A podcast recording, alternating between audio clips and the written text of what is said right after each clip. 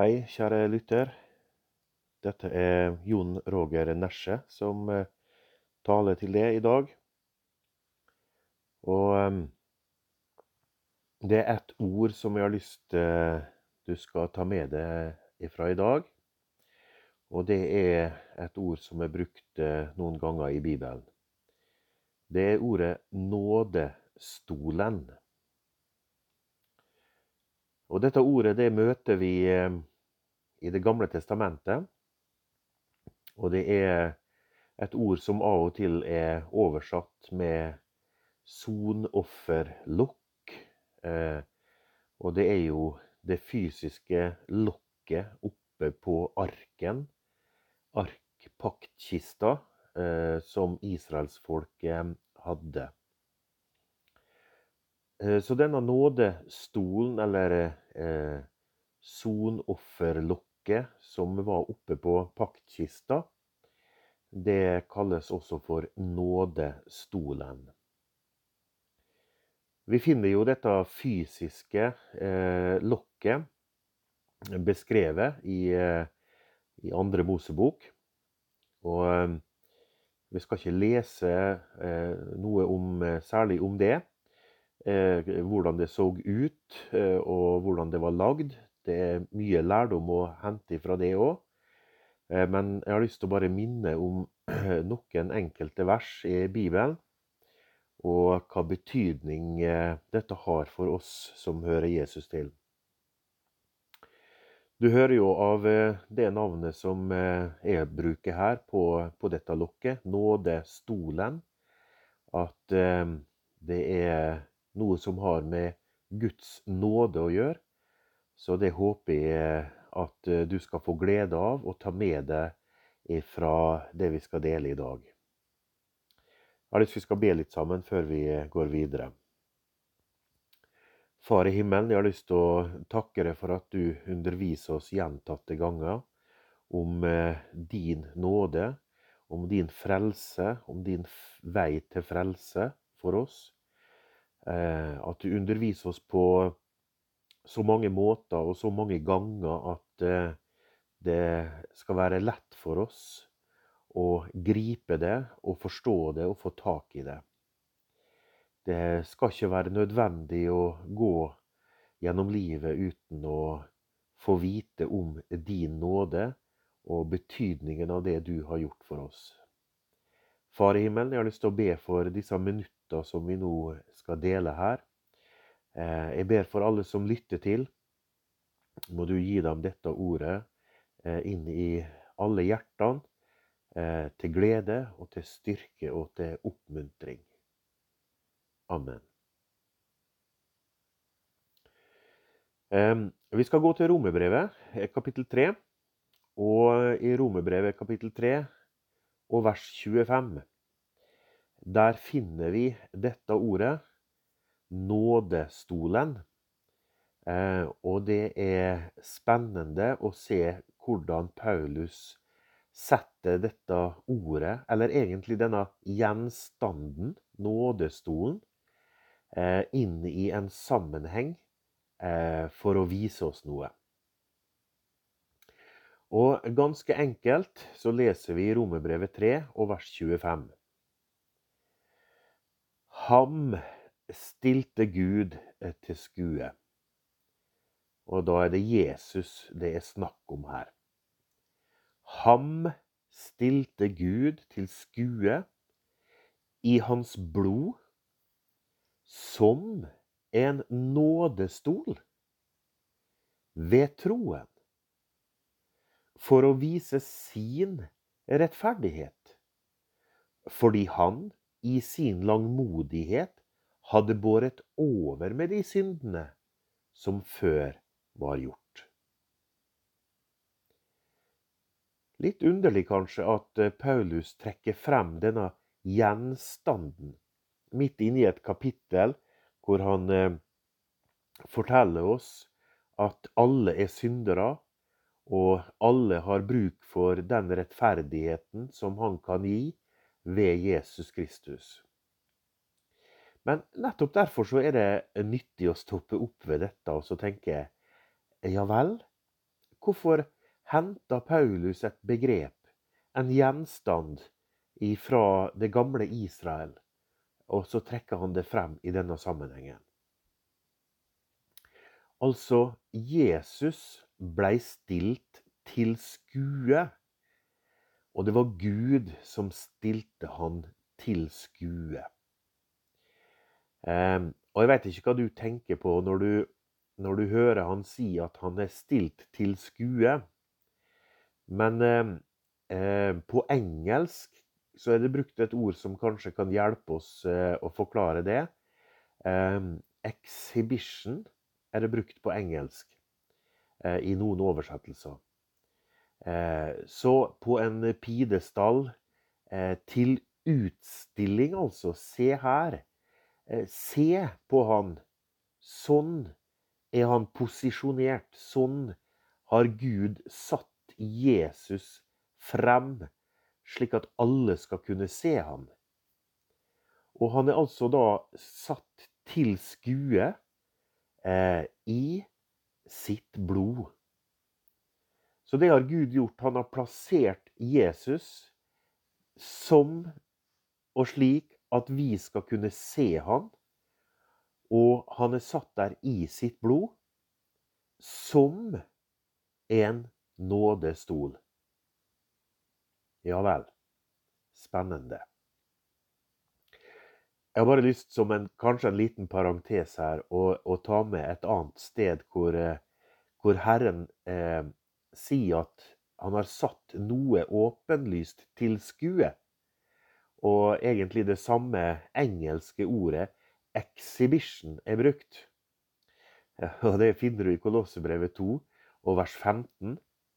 Eh, og der leser vi om Jesus at han avvæpnet maktene og myndighetene. Altså djevelen og hans ånde her er avvæpna. Eh, og ikke nok med det, men hva gjorde han deretter? Når han hadde avvæpna makten og myndighetene? Jo, da leser vi videre. Og han stilte dem åpenlyst til skue. Da han viste seg som seierherre over dem på korset. Så Jesus har altså avvæpna makten og myndighetene, Satan og hans ånde her, og så har han satt dem til skue. Altså på utstilling, exhibition. Se her. Der er de. Der er han som prøver å lure verden. Og han greier å lure mange. Men han er beseira. Så vi har ingenting å frykte, vi som hører til seierherren fra Golgata. De er altså stilt åpenlyst til skue. Så det har Jesus gjort når han seira på Golgata. Men nå skulle vi se litt mer på at Jesus er altså stilt til skue, og det er Gud som har plassert han, slik at vi alle skal se han i hans blod, og som en nådestol. Eh, vi må si litt mer om nådestolen. Og da skal jeg ta det med tilbake til historien i andre Mosebok. Um, og vi har allerede nevnt at denne nådestolen, eller eh, paktkista sitt lokk, eller sonofferlokket, eller sonofferalteret, det er forskjellige ord på det samme nådestolen. Og det var altså lokket på paktkista på arken. Eh, det var et lokk som eh, var dekt med gull, og det var to kjeruber som var lagd, eh, som står oppå og står fast i dette lokket, og har liksom blikket vendt ned mot midten av, av lokket. Så her kan du se for deg denne store paktkista med et stort og tungt lokk oppå gulldekt og eh, med disse kjerubene på, som eh, står og ser ned mot midten av lokket. Og nettopp midten av lokket var der som blodet, eh, ble eh, stenka ifra ofringen på den store forsoningsdagen, eh, Jom Kippur. Så da ser du for deg dette store, denne store nådestolen, dette lokket på paktkista. Men her ligger det altså eh, noe inne i paktkista som eh, jeg tror vi skal lære litt av i dag. I andre Mosebok, kapittel 20, så får Israel loven. Moses får de første tavlene av Gud. Eh, og de er altså skrevet med eh, de ti bud på. Det er Gud som gir disse tavlene til, eh, til Moses. Så der får altså Israel loven, Guds hellige lov. Og Når vi da leser litt videre utover i andre Mosebok, så kommer vi til kapittel 25. Og i vers 16 så leser vi at eh, i arken skal du legge vitnesbyrdet som jeg vil gi deg. Så Moses han fikk altså påbudet om eh, at disse lovtavlene de skulle legges nede i denne arken. Og så var altså loven gitt til Israel. Eh, hvordan fungerte det? Eh, fungerte loven? Kunne loven eh, bringe noen til fullkommenhet? Var det noen som blei perfekte? Var det noen som kunne tilfredsstille Guds hellige krav i alt og, at, i alt og ett, som gjør at de var fullkomne for Herren av denne loven? Nei, det ser jo ikke ut som at uh, dette her fungerte. I kapittel 32 i andre Mosebok så leser vi jo om uh, gullkalven. Hva var det de gjorde? Altså, de lagde seg en gud. De lagde seg en gud av gull.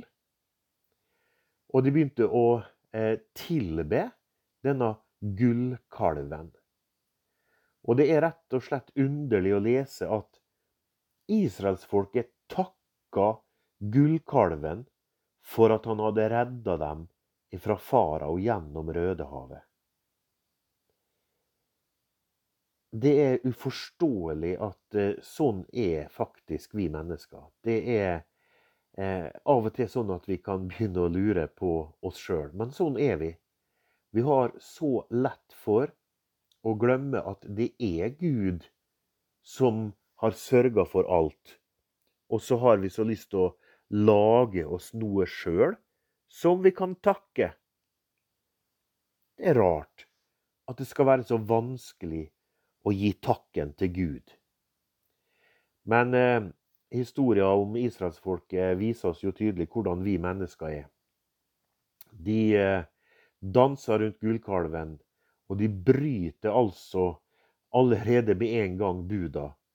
Og så har de en annen gud enn himmels og jordens skaper. De har allerede lagd seg en annen gud. Og Moses han eh, blir altså så rasende. Du husker antakelig historien. Eh, og han knuser eh, disse lovtavlene. Han knuser de, for han blir så eh, vred. Det var i kapittel 32.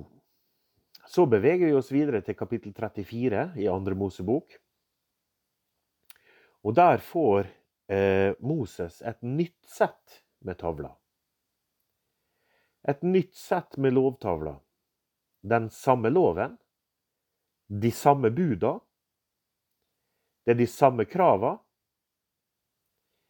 Men eh, når vi kommer til kapittel 40 og vers 20, så eh, får vi vite at han eh, ikke bare la tavlene i arken, slik som han jo eh, fikk beskjed om med de første tavlene, men han kom jo ikke så langt. Eh, men nå kommer han altså så langt. I kapittel 40 og vers 20 så står det at deretter tok han og la vitnesbyrdet i arken, og satte stengene i, og satte nådestolen oppå arken.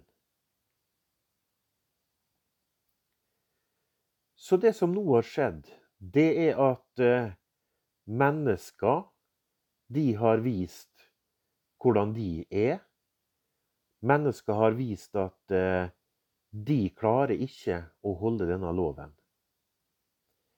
Altså, ingen kunne bli fullkomne pga. denne loven. Men eh, så viser vi også her i andre Mosebok at Gud har en plan. Han har en plan, og han har planlagt å dekke over loven. De satte altså nådestolen som lokk på arken. Inne i arken så ligger fortsatt Guds hellige krav.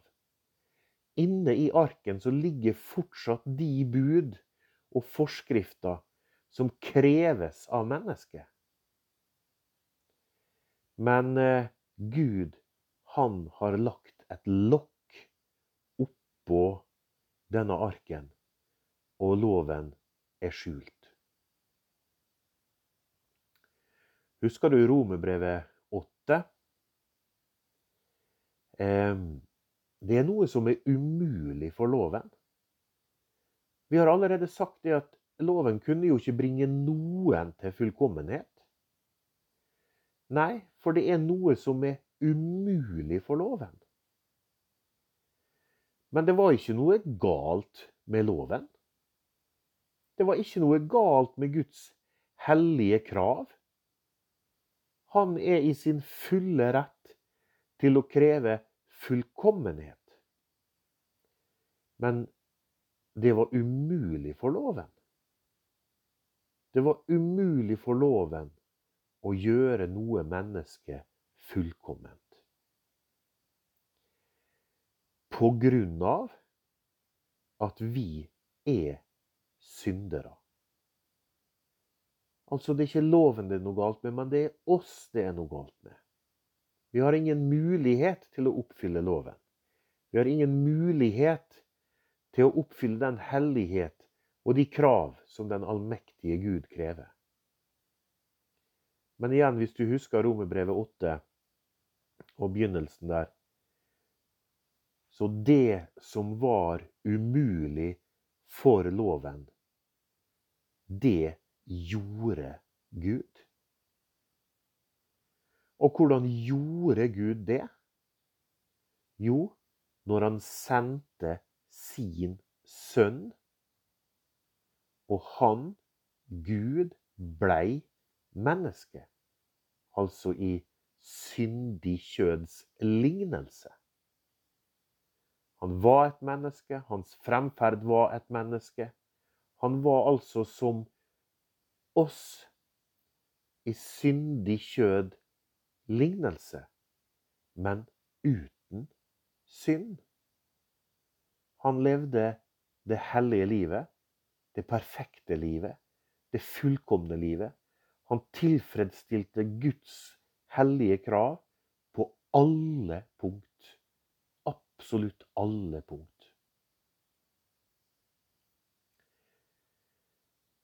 Hva, så, hva sa altså verset vårt i Romerbrevet 3 og vers 25 om Jesus? Jo, at Jesus har Gud stilt på utstilling til skue i hans blod som en nådestol. Så Jesus er altså nådestolen.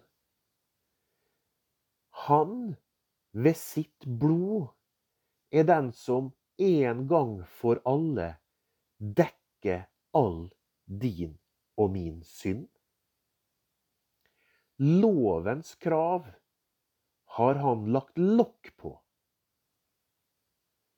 Han har ikke oppheva loven, men loven er oppfylt. Han har oppfylt lovens krav. Og jeg syns det er flott når du altså får med deg denne fortellinga i andre Mosebok kapittel 20. Moses blir gitt de første tavlene, kravene, loven. Han får beskjed om å legge det i vitnesbyrdets ark. Men så blir menneskets natur fullstendig avslørt. De danser rundt gullkalven. Han knuser de første tavlene. De kunne ikke bringe noen til fullkommenhet. Men så kommer det nye tavler i kapittel 34. Den samme loven, de samme krav, den samme hellighet. Men han legger det i arken, og så setter han nådestolen på toppen. Jesus er altså stilt til skue i sitt blod som en nådestol. Han er den som oppfyller lovens krav istedenfor det og med. Men han er også den som har gitt sitt blod for å ta straffa fordi at du og jeg ikke greier å oppfylle loven. Så han har levd livet som meg, altså i mitt sted og i ditt sted, så har han levd livet. Og han har dødd en død i mitt sted, altså som meg og som det. Der på Golgata så var altså alle mine skitne tanker, mine stygge ord, mine dårlige kommentarer, mine dumme utsagn, mine sårende og syndige ord, tanker og gjerninger. Jon Roger sine, altså, var der på Golgata. Og Jesus tok straffen. Og så er altså Jesus sitt liv, det er mitt liv. Et herlig bytte jeg og Jesus vi har bytta liv. Altså, han har gitt meg et fullkomment liv, og så har jeg gitt han all min synd. Det er bytte. Det er en veldig fin bytteordning. Han er nådestolen. Han har lagt lokk på lovens krav. Han dekker det til. Og I Hebrebrevet får vi også vite om eh, denne nådestolen. Kan bare ta med noen vers der fra kapittel 9. Fra vers 3 skal vi lese litt utover. Bak det andre forhenget Det var jo flere forheng i, i tabernaklet når du kom til det, til det helligste, og så til det aller helligste. Bak det andre forhenget var det et telt som blir kalt det aller helligste. Det hadde et røkofferalter av gull og paktens ark, som var kledd helt med gull. Den inneholdt en gullkrukke med manna og Arons stav som hadde blomstret, og paktens tavler. Over arken var herlighetens kjeruber, som skygget over nådestolen. Så her forteller han oss om hvordan dette ser ut inne i det aller helligste. Der står pakten, paktskista, arken, med nådestolen, kjerubene. I kista ligger lovens krav, paktens tavler. Og Dette befinner seg altså i det aller helligste. Og i dag så er altså det aller helligste det er i det himmelske tabernakel. Det er hos Gud. Vi ser ikke disse ting med vårt øye, men eh, vi må se inn i Bibelen for å se at slik har Gud ordna det. Jesus er nå nådestolen, der inne i det aller helligste, i himmelen. Han er den som dekker til. Han er nådestolen. Og når Gud har plassert Jesus til skue på utstilling, så vil han jo nettopp at vi skal se på han og betrakte han akkurat som nådestolen. Det har betydning for oss at han er nådestolen. I hans blod som en nådestol. Det er han. Der inne i det aller helligste, i himmelen, hos Gud. Der er det han som er dekningen over lovens krav. Og mens vi er i Hebrevbrevet, så la oss ta med kapittel 7. Og egentlig så skulle vi lest fra, fra vers 11 og ut hele kapittelet. Det skal vi ikke gjøre, men la oss ta med to vers her. Vers 19. Og det har vi allerede sitert litt ifra. Loven førte jo ikke noe til fullkommenhet. Loven førte ikke noe til fullkommenhet. Det er ingen som har greid å oppfylle den. Det som var umulig for loven. Og hva står det videre i verset her? Men et bedre håp blir ført inn. Åh, jeg elsker sånne menn i Bibelen. Men. Loven førte jo ikke noe til fullkommenhet, men et bedre håp blir ført inn. Og ved det kan vi nærme oss Gud. Ja, litt Seinere i hebreerbrevet så står det til og med at vi kan ha frimodighet og gå inn i det aller helligste og være hos Gud, vår Far. Og i vers 25 her i Hebreerne 7 så får vi vite at derfor kan han også fullkomment frelse dem som kommer til Gud ved ham. Og er det ikke herlig at Gud har stilt Jesus til skue for oss? Som en nådestol i hans blod. Jeg håper du kan ta med deg det i dag. Du som hører Jesus til, du er altså aldeles trygg.